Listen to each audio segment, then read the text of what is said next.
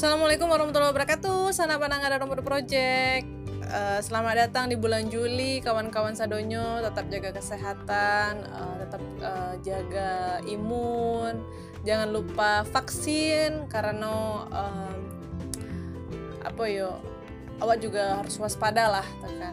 Apalagi kini angka rate positifnya uh, COVID-19 di Indonesia makin tinggi. Jadi kawan-kawan uh, stay safe, uh, stay healthy. Jadi uh, keluarga mohon dijago. Nah di bulan Juli Iko kami dari Darah Muda Project akan mengulang kembali uh, apa yo uh, diskusi awak tentang ekonomi kreatif.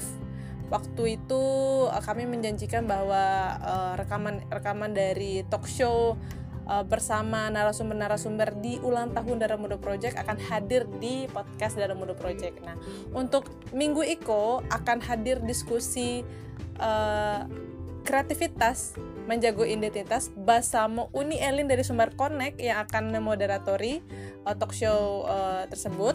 Kemudian Ado Uda Ade dan Uda Bayu sebagai bintang tamu atau narasumbernya. Nah, pengen uh, sebelumnya kalian harus tahu dulu nih um, udah Bayu Kosia dan udah Adek Kosia nah usut punya usut eh, usut punya usut. Udah Adek adalah ketua sumber kreatif dan owner Kopi Batigo. Nah kalau kalian tahu Kopi Batigo tuh ada di Mase ada di Painan ada di Talu Abuo uh, dan ada di Padang jadi uh, yang sering ngadain acara-acara festival kreatif di uh, coffee shopnya itu Kopi Petinggo. Nah, kemudian ada Udah Bayu. Udah Bayu itu salah satu um, travel heritage culinary blogger. Nah, itu yang ada di bio Instagramnya. Uh, bakal hadir di talk show talk show uh, kali Iko uh, sebagai narasumber yang akan bercerita tentang uh, spirit sto storyonomic apa sih nama istilahnya? Itulah beko. Uh, jadi segala sesuatu yang diposting di atau di share di Instagram baik foto dan video akan diceritakan dengan berbagai kisah di masa lalu nah langsung saja awak sambut Uni Elin sebagai moderator dan udah Bayu dan udah Ade silakan Uni Oke, awak tanya dulu kan, Bang Ade. Assalamualaikum ya. Bang Ade. Waalaikumsalam warahmatullahi wabarakatuh. Di mana posisi kini Bang? Abang kini di Kadai Kopi awak. Ada ya, ngajo untuk dia lebih tenang. Oh iya lebih tenang. Nah itu kan pokoknya gini uh, tampe apa tempat ngopi itu memang situasinya harus kondusif juga gitu. Jadi memang dij dijadikan tampe uh, yang apa ya yang sesuai lah gitu ya sama situasi kini WFH gitu. nah uh, Bang ada di Padang atau di mana kini Bang lokasinya tuh? Di Padang Kota. Di Padang Kota orang luar kan okay. kalau Padang kan Bukit Tinggi Padang juga katanya kan iya pokoknya Padang saya sadonya nak bang iya, tapi kok protes orang Bukit Tinggi aja orang ya, ya. Oke, okay. nah Bang Ade uh, kan tentang uh, tema kini kok malam kok uh, kreativitas anak muda gitu kan uh, mengupas cara-cara apa yo istilahnya uh, uh, preserve gitu, maksudnya menjago yang namanya kok nilai-nilai Minangkabau. Tapi salamu tapi kalau seandainya batanya mantu itu mungkin panjang mana cerita bang Ade? Nah uh, kini kok uh, apa kami kok uh, tahu dulu sebenarnya sampai ma kini bang Ade uh, apa menjalankan uh, apa ya menjadi pelaku ekonomi kreatif di Sumatera Barat. Ya baiklah uh, Ambo mulai tertarik di ekonomi kreatif itu pertama dalam setelah Ambo bergabung dalam asosiasi perusahaan yang Ambo ikuti adalah P3I, Persatuan Perusahaan Periklanan Indonesia. Kebetulan Ambo menjabat sebagai sekretaris di Pemda Sumatera Barat. Dan di P3I itu banyak guru-guru yang yang yang jadi ayamu ayaumi oh, mengenai gerakan-gerakan mereka terhadap oh, mempertahankan kearifan lokal. Jadi di situ sangat tertarik sekali oh, dan oh, kebetulan Amo juga uh, bergerak di bidang advertising dan uh, di uh, coffee shop Kopi Batigo. Nah, implementasi itu uh, Kopi Batigo itu uh, kami merancang dari awal menjadikan suatu hub independen uh, di bidang kreativitas. Nah itu kami uh, mencibo untuk uh, berkomunikasi dengan kawan-kawan pelaku ekonomi kreatif yang ada di Sumatera Barat, termasuk kawan-kawan dari komunitas-komunitas kreatif yang yang tersebar di seluruh Sumatera Barat. Jadi itu tadi oh, Sumatera Barat itu sangat sangat kaya, sangat, sangat kayu dengan dengan dengan adat istiadat, budaya, sejarah, kuliner dan lain-lainnya. Jadi harus bangga lah sebagai orang orang Minang. Oh, siapa lagi yang nak mempertahankan oh, tradisi awak kalau awak sendiri gitu. Nah, pas supaya generasi berikutnya juga tahu dengan dengan apa menjadi nilai-nilai luhur dari dari oh, adat istiadat budaya Sumatera Barat tersebut. Oke, makasih Bang Ade. Jadi sebenarnya mungkin kini uh, secara terjun langsungnya gitu kan Bang Ade uh, uh, pastinya lah, lah tergabung dalam uh, banyak bisnis terutama kini bisnis uh, coffee coffee shop gitu ya Bang Ade yang mulai menjamur gitu di Sumatera Barat. Nah, uh, nah kini awak beralih sebentar ke Udah Bayu. Nah, udah Bayu koknya dari sisi lain lo koknya sebenarnya orang yang suka kopi, nah nongkrong-nongkrong uh, di coffee shop. Nah, pastinya suka lo main-main Instagram. Nah, ah, pasti nyari-nyari yang instagramable gitu kan. Nah, bahas sih pandangan dari Udah Bayu kini kok sebagai Udah Bayu sebagai pelaku uh, apa uh, ekonomi kreatif di Sumbar juga. Silahkan sharing sharing seketek tentang Mbak kesibukan kini. Udah Bayu. Uh, mikrofonnya uh, di on kan dulu. Oke, kasih Uni. Yo oh, untuk apa? Udah Uni Sadunyo yang ada di Siko. Uh, Alhamdulillah Iko kesempatan yang luar biasa. Uh, Ambo Ubay uh, nama asli memang Bayu Haryanto tapi biasa kawan-kawan manggilnya Ubay. Mungkin kalau nama asli kok tidak banyak orang yang tahu gitu kan. Tapi karena kalau nama panggilan Ubay oh tahu mah. Kadang uh, untuk aktivitas kini memang aktif untuk ya mengambil muko ambil muko Sumatera Barat dari sisi yang lain. Ya ambil muko dari sisi keindahan uh, itu alam. Kalau ditanya keindahan alam Sumatera Barat itu nggak ada duanya dan nggak nggak bisa lah. Apa saya nggak uh, nggak kalah dari yang lain. Untuk uh, untuk alam terus kuliner apalagi kuliner gitu kan. Beragam kuliner yang tradisional hingga yang kreasi banyak ya uh, di Sumatera Barat. Uh, selain aktivitas ngambil muko itu kan uh, aktivitasnya itu nulis. Nulis. Untuk aktivitas nulis uh, ngeblog alhamdulillah ya lumayan lah lalamu dari SMA ngeblog sampai kini. Cuman aktifnya itu di tahun 2016 2016 kemudian uh, gabung concernnya di bidang pariwisata, terus heritage, cagar budaya.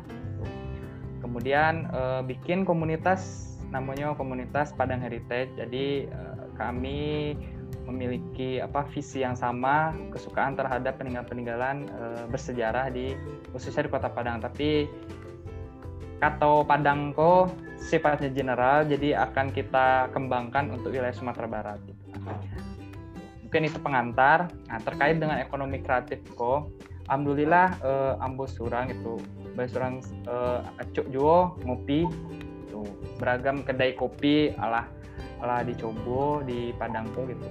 Kabarnya sih kini mungkin uh, bisa dilurihan Biko sama Abang Ade gitu kan mungkin lebih dari 300 kedai kopi yang ada di Padang artinya kan ada pertumbuhan yang sangat uh, cepat gitu terlebih, terlebih sekarang di era pandemi ini kalau kita lihat hampir di setiap sudut dan gang yang ada di Padangku banyak kedai kopi gitu. Untuk untuk udah uni sadonyo yang mungkin yang di luar Padang ketika ke Padang Biko bisa coba uh, beragam uh, kedai kopi di kota Padang. Itu salah satu uh, bagian dari ekonomi kreatif. Kayak teman-teman itu juga ekonomi kreatif lain saya tentang uh, video banyak juga kawan-kawan kita yang ambil video tentang bagaimana keindahan alam. Kemudian ada juga yang uh, mencoba ini di TikTok. Gitu.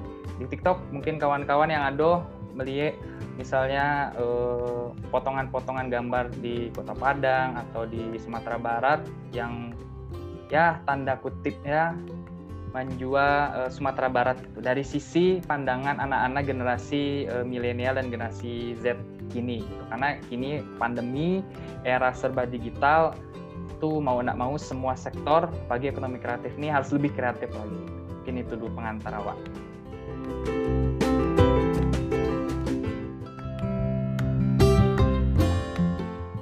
Oke, nah makasih uh, udah Bayu lah menceritakan tentang ya Baas sebenarnya inspirasinya gitu kan menjadi seorang blogger dan juga uh, apa uh, terjun ke dunia fotografi dan juga pastinya uh, ya uh, berhubungan lah gitu Baa uh, mencari sumber inspirasinya tuh gitu kan dari dari uh, pai sampai oh ya sampai nongkrong gitu kan di coffee shop atau sampai wisata gitu. Nah kalau dari uh, Bang Ade uh, mungkin kalau nih uh, ceritakan lebih lanjut loh, Mbak A sebenarnya uh, uh, awalnya Bang Ade um, apa ya untuk terjun gitu ke dunia bisnis kopi dan uh, mungkin sebenarnya lebih ke tentang ya pandangan tadi gitu Mbak uh, sebanyak tuh gitu coffee shop. Nah apa sih sebenarnya yang yang bisa digali dari potensi-potensi yang ada di Sumatera Barat kok? Dalam dunia oh, apa ya bisnis oh, coffee shop tadi. Oke nih, oh, kalau baca itu tentang Pak memulai bisnis coffee shop itu, oh, kalau Ambo boleh jujur, oh, di coffee shop itu adalah bisnis Ambo, usaha Ambo yang tidak Ambo setting dari awal, boleh kecil tidak bisa ngajo do gitu kan. Karena oh, Ambo lebih cenderung oh, melihat peluang peluang dari yang apa yang ada Ambo bisa lakukan dari aset atau oh, peluang yang yang ada di Mukomato. Oh, kebetulan Coffee Shop Ambo itu berawal dari Painan, kota Painan. Itu karena dulu Ambo punya rumah apa tinggal di Painan, punya rezeki punya, oh, rumah, bangun rumah, ya kan. Jadi setelah bangun rumah itu, Ambo istri kebetulan pegawai negeri, oh, beliau terdapat dapat pindah ke Padang. Jadi rumah itu kosong jadinya.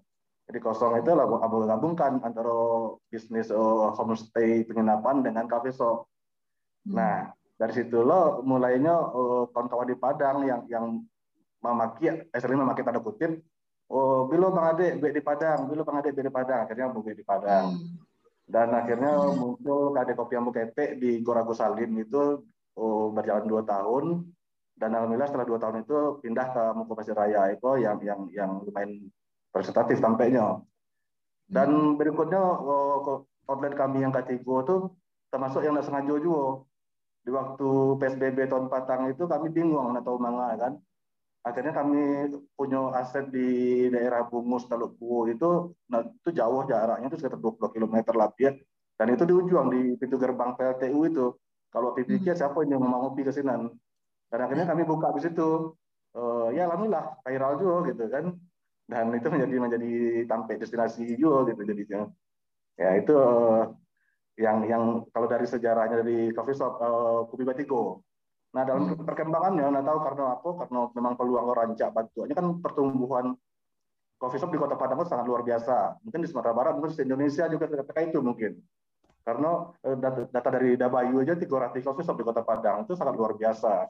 Artinya kecamatan cuman Sabaleh coffee shop udah 300 ya baik berarti tiap kecamatan tiap kelurahan itu mungkin ada ada ada kopi ya mungkin nah iya. tiap sudut ya dah tiap sudut nah di situ yang harus apa uh, yang uh, ngelit peluang apa menggali lagi uh, strategi-strategi apa yang harus lakukan gitu. Jadi kalau kami di, di Kopi Batigo itu uh, ber, banyak berkolaborasi dengan kawan-kawan kreativitas. Jadi kami mau banyak ya kebetulan aku kan juga ketua super kreatif dan uh, kami uh, punya sekretariat juga di Kopi Batiko Iko dan itu kami uh, buat macam-macam kegiatan kreativitas dari talk show, apa talk show, uh, pameran, termasuk tahun 2019 kami berhasil membuat Batigo Festival itu yang sifat independen yang sangat luar hmm. biasa dari sambutan dari kawan-kawan kreatif. Di hmm. Teluk pun kami melakukan uh, semacam uh, edukasi pendidikan ke anak-anak kampung di Teluk Buo itu. Wah kasih pertama hmm. masuk itu ke Teluk Buo itu lumayan jauh dari dari sekolah anak-anak. Dan di masa pandemi itu rata-rata orang tuanya nelayan itu mereka boleh kecil nggak punya handphone. Akhirnya kami bikin lah edukasi luar sekolah di bidang lukisan, tari, dan oh, literasi di situ. Oh, itulah yang kami lakukan. Oke, berarti spesialnya dari coffee shop yang lain. Nah, Kopi Batigo kok jadi tampe kolaborasi gitu, nak dah. Jadi uh, ada apa ya? Ada uh, sesuatu yang terus bergerak gitu, yang yang memang menjadi tampe kumpulan anak muda, tapi tidak sekedar kumpul-kumpul aja do gitu. Nah, ada yeah. ada yang bisa dilakukan gitu. Sip. Kalau dari uh, Udah Bayu, nah sebenarnya nilai-nilai apa sih sebenarnya yang Udah Bayu Nio expose gitu dari Minangkabau, terutama dari uh, apa konten-konten yang Udah Bayu buat gitu.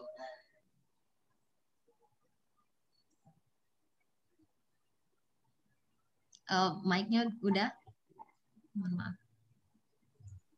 Untuk nilai-nilai basicnya ke itu apa namanya sharing, sifatnya sharing. Hmm. Kemudian dari tahap sharing itu uh, inspiring gitu. Semoga dapat menginspirasi gitu. Ah, jadi tahap sharing kok kan banyak dari dari pesisir selatan sampai ke Pasaman Barat, dari Padang sampai ke Sijunjung hingga perbatasan Riau. Itu kan banyak hmm. luas Sumatera Barat, ada 19 kabupaten kota dan tidak semua nggak ada misalnya nggak sadonyo tampe atau ciri khas di antara masing-masing kabupaten kota itu terekspos dengan baik gitu dengan baik gitu kalau terekspos ada cuman kan banyak konten-konten yang terkadang eh, ndak ndak ndak sampai visinya tuh atau misinya tuh untuk ke eh, halayak umum gitu kalau untuk minimal eh, konten yang di share itu eh, bisa eh, melepas rindu untuk kawan-kawan yang ada di rantau minimal seperti itu misalnya uh, sunset di pantai Padang atau uh, ngambil uh, foto kerupuk kuah sama langkitang hmm. sama kayak di video hmm. tadi uh, minimal itu bisa bisa membangkitkan memori lah gitu mungkin ada kawan-kawan yang di yang merantau atau orang luar Sumatera Barat merantau kuliah di Padang itu kan menikmati suasana Padang dengan di posting-posting tersebut ya setidaknya mereka bisa balik lagi ke sini. Tentu kan ketika orang-orang itu datang ke Sumatera Barat eh, artinya kan ekonomi di Sumatera Barat minimal ekonomi kreatifnya bisa hidup. Misalnya kayak di UMKM eh, souvenir kuliner atau oleh-oleh khas-khas yang memang secara packing yang perlu di apa perlu diekspos lagi gitu. Artinya perlu di packing yang baik gitu. Kan banyak misalnya kerupuk-kerupuk kerupuk-kerupuk itu kan sebenarnya tuh uh, menarik. Cuman kan packingnya kalau awak ke Bukit Tinggi kan packingnya pakai plastik di diikat sama kajai lah selesai gitu kan. Padahal kan bisa di packing menarik gitu. Kayak misalnya atau bika. Yeah. Ada bika uh, bika di Talago tuh sekarang lah packingnya mantap kayak kue misalnya kue kue-kue artis gitu. Kue-kue artis kan packingnya bagus tuh. Ah, macam-macam yeah, itu. Yeah. Misalnya kalau di di sini apa ya namanya?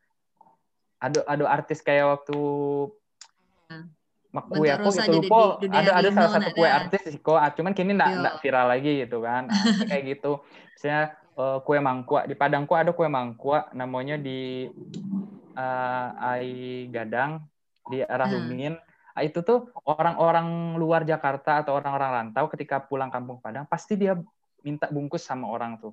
Sama hmm. si penjual ibu-ibu nih Ibu ini hmm. uh, jual 15 ribu, eh, 1500, ah dia packing, cuman packingnya belum belum menarik gitu. Nah, itu bisa hmm. menjadi uh, peluang juga usaha dan juga cake uh, apa kue-kue tradisional itu bisa diekspor atau minimal lah untuk di dikirim ke luar Sumatera Barat. Ah, itu bisa pelepas rindu minimal itu. Nah, mungkin kira-kira seperti itu. Itu untuk satu case-nya untuk kue gitu. Untuk hal yang lain hmm. belum kita bicara tentang budaya. Banyak budaya-budaya hmm. Belum peninggalan-peninggalan sejarah yang potensi. Hmm. Ya. Kira-kira okay. seperti itu nih. Aha, betul betul. Makasih dah Bayu. Jadi memang insight-nya adalah uh, ya sesuatu itu kalau dikemas dengan baik gitu, packaging-nya gitu kan menarik dan juga uh, apa uh, bisa dikecaan cocok lah jadi oleh-oleh gitu. Nah, dah. Hmm, jadi uh, itu yang bisa men, lebih apa ya, lebih uh, mencapai lebih banyak uh, uh, masyarakat gitu. Jadi uh, apa ya marketingnya pun jadi lebih lebih bagus gitu kan, lebih meningkat gitu. Itu kata, uh, kata yang pasti, anak ini tuh estetik uh, lah. Lebih estetik ya, tadi packing packing lebih lebih kekinian. estetik gitu, kekinian. Uh, uh, iya. Apalagi ini uh, apa misalnya kalau dari Abang Ade tuh pasti lah ada apa tuh bahas teknik-teknik periklanan dan mungkin desain-desain yang mantap. Nah, Bang Ade. Jadi uh, apa berarti ada kolaborasi lo Biko kok. Jadi uh, mungkin ada beberapa ah, namanya tuh uh, usaha-usaha UMKM gitu kan yang mulai uh, men, um, apa ya mencoba untuk uh, maju gitu, mencoba untuk memproduksi produk-produk lokal gitu kan dengan kualitas yang mantap gitu kan. Nah, tapi kalau di AG packaging Naranca nah kan makin makin juara gitu. nah, uh, ya terkait tentang UMKM tadi gitu kan. Uh, karena uh, pastinya ekonomi kreatif kok uh, apa ya nyawonya tuh adalah UMKM gitu. Yang memang uh, bergeraknya tuh ya dari orang dari orang individu yang memang apa ya semangat gitu. Dan akhirnya uh, berkelompok berkolaborasi sampai akhirnya nyo gadang gitu kan. Menjadi sesuatu yang memang bisa menggerakkan banyak masyarakat kayak gitu. Nah, um, karena sesuai aja loh tema awak kini kok kan tentang menying, apa menyingkok dan tasuruk gitu. Kadang nyo tas nyo ndak tapi sebenarnya ado tapi ndak ndak stand out gitu nah istilahnya. Ndak uh, apa ya ndak nampak gitu deh orang. Nah, jadi kalau dari apa ya dari uh, pandangannya udah uh, Bang Adek dulu kok. Misalnya tentang ya fenomena coffee shop yang banyak tadi tuh. Nah, Mbak sih sebenarnya supaya stand out dan memang uh, jaleh lo kalau oh ya sebenarnya kopi Sumatera Barat nak lo tinggal do gitu. Kopi Sumatera Barat kok punya keunggulan lo gitu. Nah, coba bisa diceritakan uh, seketek nah atau mungkin ada tips-tips dari Bang Ade. Silahkan. Iya, dalam kondisi ini memang bos serangan pandemi itu memang luar biasa bare ya dan memang sasaran utama dari pandemi itu adalah tapet nongkrong, tidak boleh kerumunan. Artinya oh, awak harus mencari solusi bah, supaya oh, penikmat kopi di, di Padang di Sumatera Barat itu tidak tidak harus oh, selalu menongkrong. Itu pertama. Yang kedua, bah, supaya mencari diversifikasi produk awak. Apa apa produk awak selain kopi yang mungkin bisa mengisi oh, dari tingkat oh, kerumunan-kerumunan yang timbul di, di, di cafe shop awak yang ketiga memang ya itu tadi wa bue taruh oh, brand activity awak pak supaya oh, brand awak itu tetap oh, di, dikenal dan laku di di di, di benak oh, masyarakat. Dan termasuk tadi termasuk dari packaging tadi itu oh, bisa jadi itu oh, ya itu tadi oh, banyak sekali potensi-potensi yang ada di Sumatera Barat itu oh, salah orang mengecek kalau Minang Sumatera Barat itu oh, negara apa daerah yang yang yang ada apa-apanya sangat oh, banyak potensi-potensi termasuk dari dari budaya kuliner oh, potensi ekonomi kreatif sendiri. Banyak yang bisa dikembangkan. Jadi itu mbak cara membuka mata awak oh, tadi kamu setuju dengan judulnya itu tadi menyingkuk yang tasiro itu yang yang tasuro yang tasuro itu uh, ya Pak mengedukasi dari pelaku-pelaku UMKM tadi untuk bisa membuka mindset mereka, membuka oh, wawasan mereka bahwa oh, packaging atau promosi itu adalah oh, investasi, bukan piti-piti tiba buang.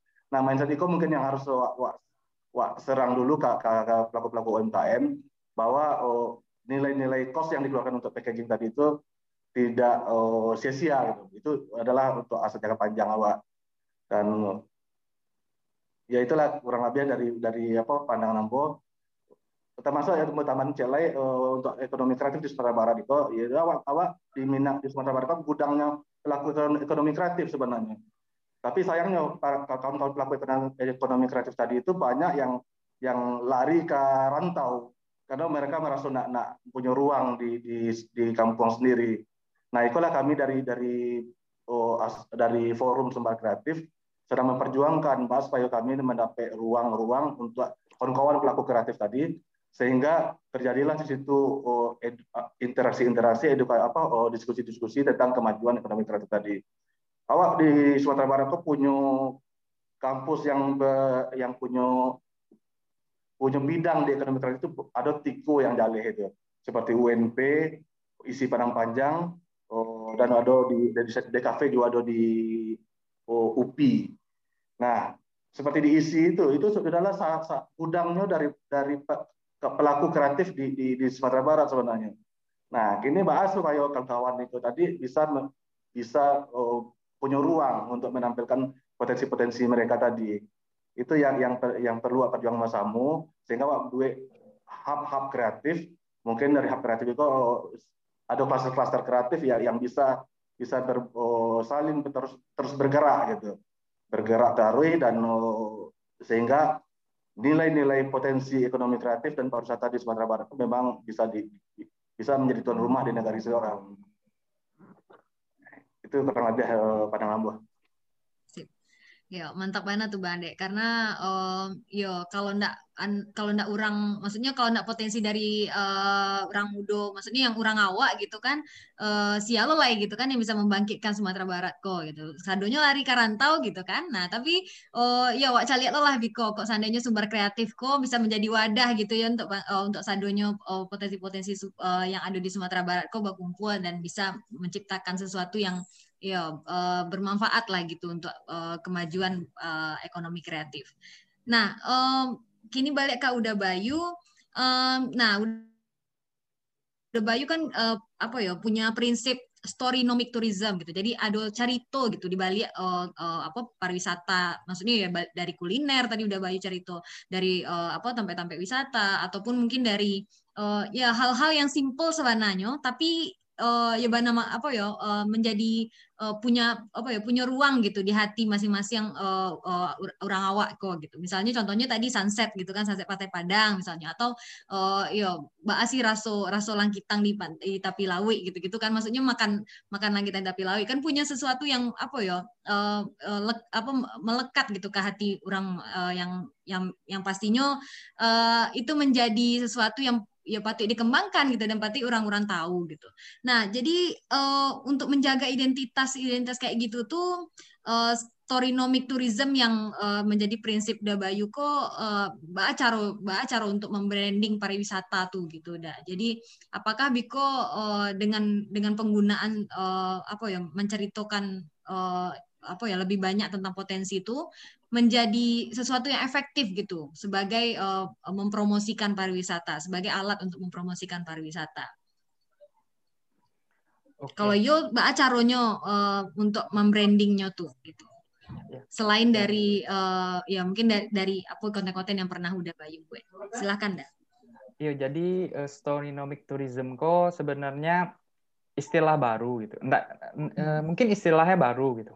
Istilahnya baru, karena eh, ketika kok kan istilah dari Kemenpar.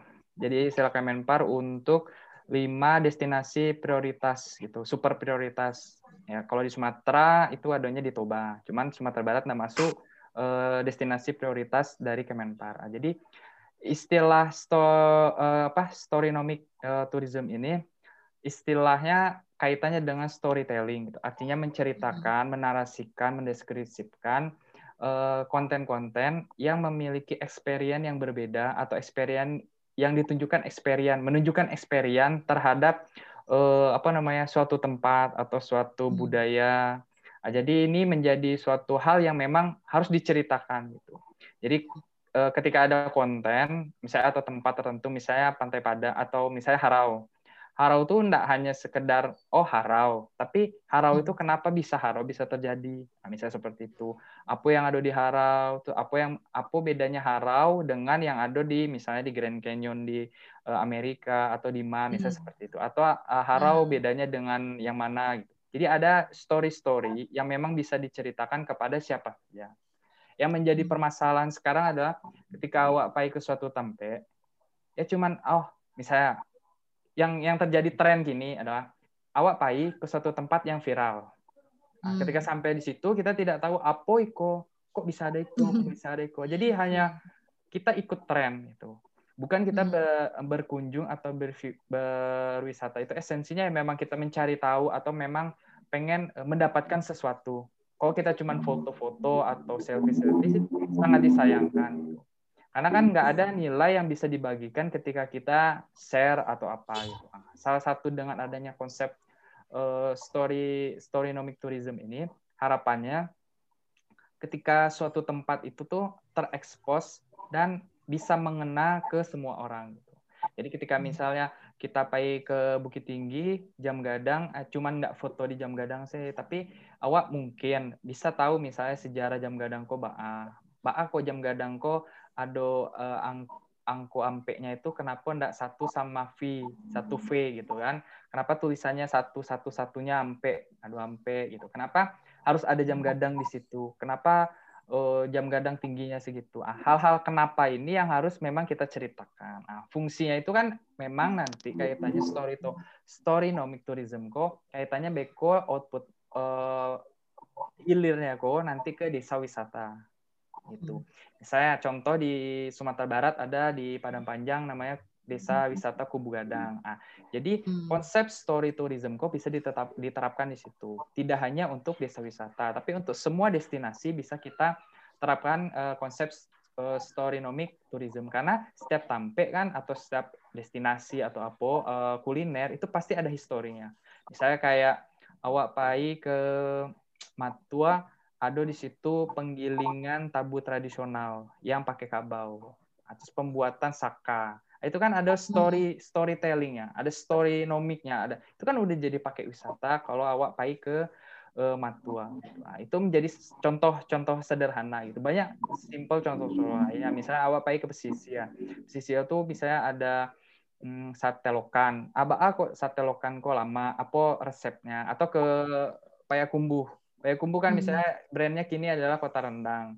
Ah, hmm. rendang di Payakumbuh tuh apa bedanya sama rendang yang di Padang? Apa beda hmm. rendangnya yang ada di uh, pesisir? Nah, itu bisa kita uh, yeah. dapetan informasi. Nah, cuman kan permasalahan sekarang untuk pembuatan konten-konten kreatif itu kan memang tidak apa tidak semua tampe atau semua pengelola tuh bisa melakukan itu. Makanya di era kini kok adalah era kolaborasi gitu. Tidak bisa main surang gitu. Kalau main surang mah bisa tagak gitu kan. Awak bisa butuh iko. Misalnya nanti kalau sisi uh, uh, visual mungkin awak bisa nanti dengan tim-tim uh, misalnya DKV dan lain sebagainya. Nanti untuk sisi-sisi ambil gambar, misal kolaborasi dengan para videografer, fotografer, untuk untuk bagaimana membuat namo, packaging dan lain sebagainya. Ah, pokoknya itu kan hal-hal semacam itu kan kaitannya dengan ekonomi kreatif. Artinya kalau kita hmm. awak agak surang mah bisa. Contohnya kue-kue yang di Lapau tuh mah ada mereknya. Kayak kayak bakwan. Bakwan misalnya ada mereknya. Misalnya itu hal hal yang kete itu tapi kalau kalau hal yang kete itu awak kelola dengan baik kan itu akan menjadi suatu hal yang luar biasa. Mungkin impactnya ndak kini tapi di kemudian hari gitu. Cuman yang terpenting sih kini kok di eranya adalah era kolaborasi. Sama kegiatan awak kiko kan kegiatannya kan tidak surang gitu. Berkolaborasi ah gitu. Saya seperti itu. Mungkin kiranya seperti itu nih Hmm. Oke, makasih udah Bayu. Nah, uh, ya berarti dua yang ditangkap pertama kolaborasi. Nah, Cik lah itu uh, ya tadi ada platform media sosial. Jadi sebenarnya awak-awak aku punya peran masing-masing untuk mempromosikan tuh. Nah, udah. Jadi iya, betul. Uh, nah asal foto-foto sedo gitu kan, Pai Cik tampe gitu kan, cari tahu gitu. Apa cari tuh. Uh, jadi ndak asal share bingung lo milih apa tuh membuat membuat caption gitu kan nggak tahu akan ditulis gitu kan.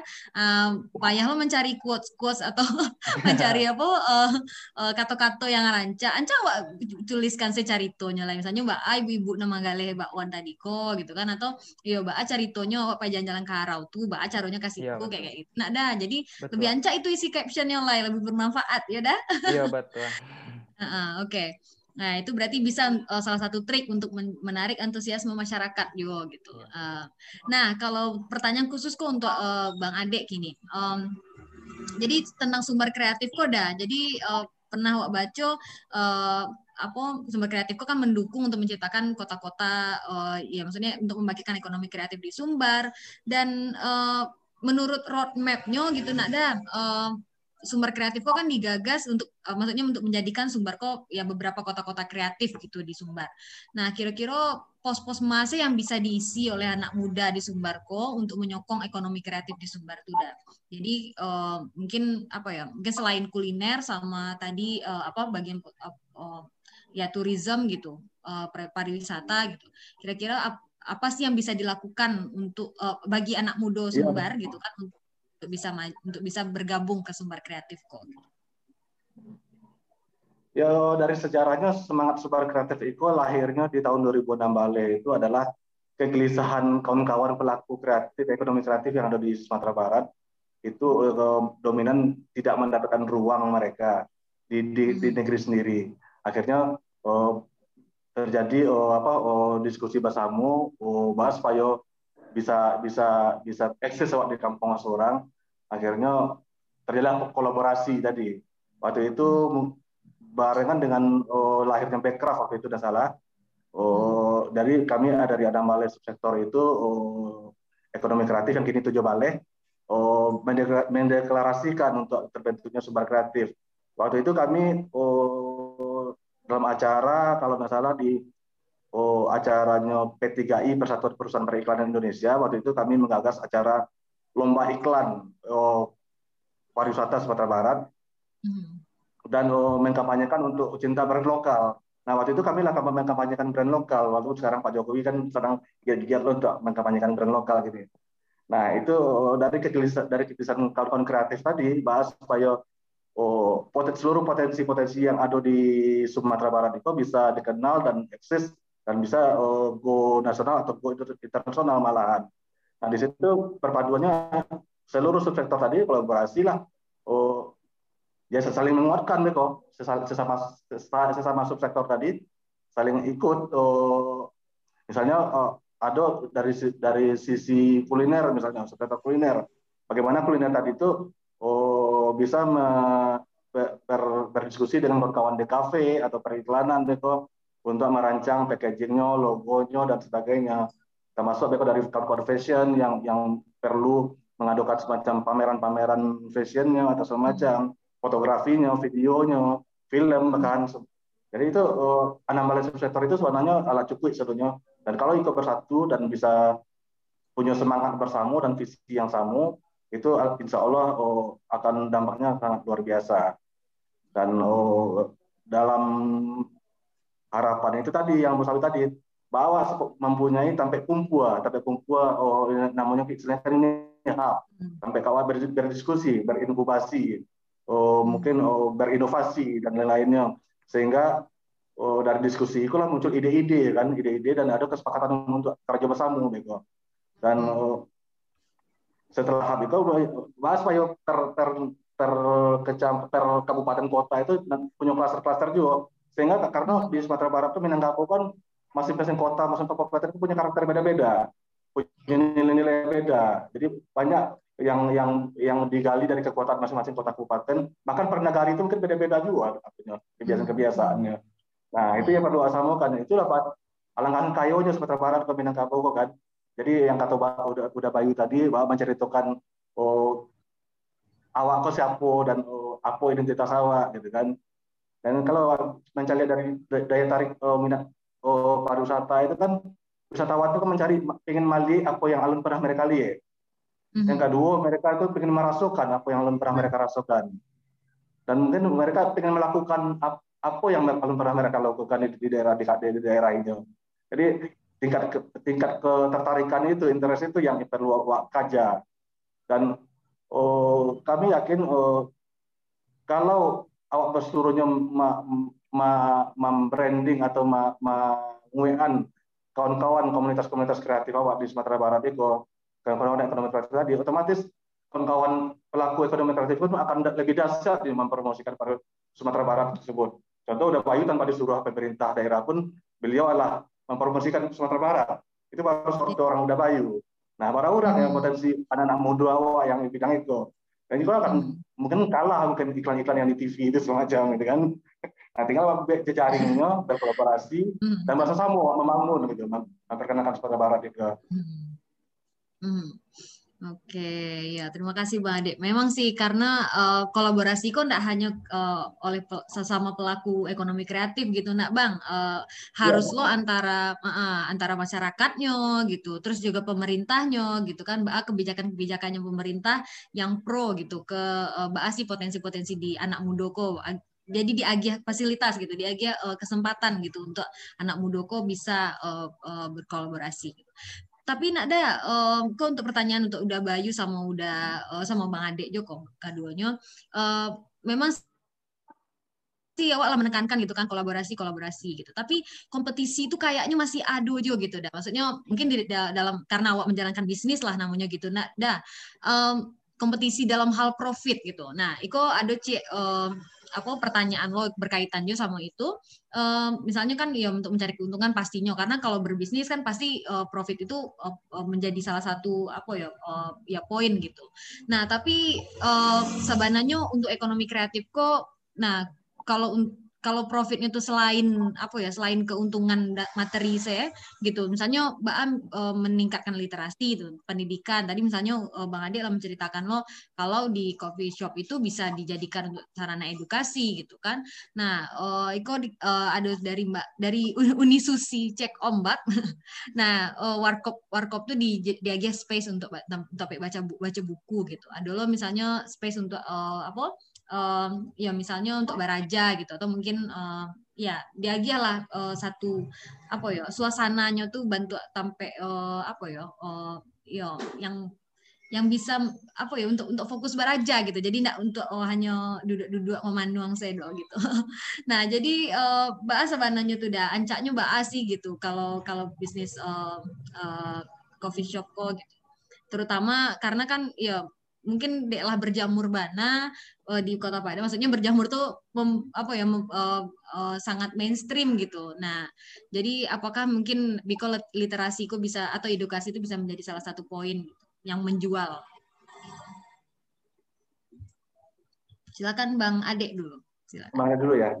Uh, ya uh, kini zamannya batu zamannya kolaborasi dan awak harus punya mindset untuk bisa berkolaborasi berkolaborasi itu artinya awak berkumpul dengan kawan-kawan sebidang awak mungkin atau se, se pelaku atau oh, dengan antar antar subsektor bisnis bisa jadi juga. Oh, pokoknya awak membuka oh, ruang untuk oh, kawan-kawan sebanyak-banyaknya. Sebenarnya kan itu adalah diajarkan agama juga bersilaturahmi sebanyak-banyaknya termasuk dengan dengan orang yang sebidang dengan awak kan. Dan yang kami lakukan contoh saya yang kami lakukan di advertising di periklanan Ambo di situ oh, kawan dengan kawan-kawan atau senior pelaku periklanan di Sumatera Barat itu boleh dikajian oh, kami mengopi bahasa tarui. Bahkan saling hmm. bantu tukar oh, ilmu malah kami alun pandai di bidang A oh, kompetitor awak pun dengan dengan senang hati mengajarkan.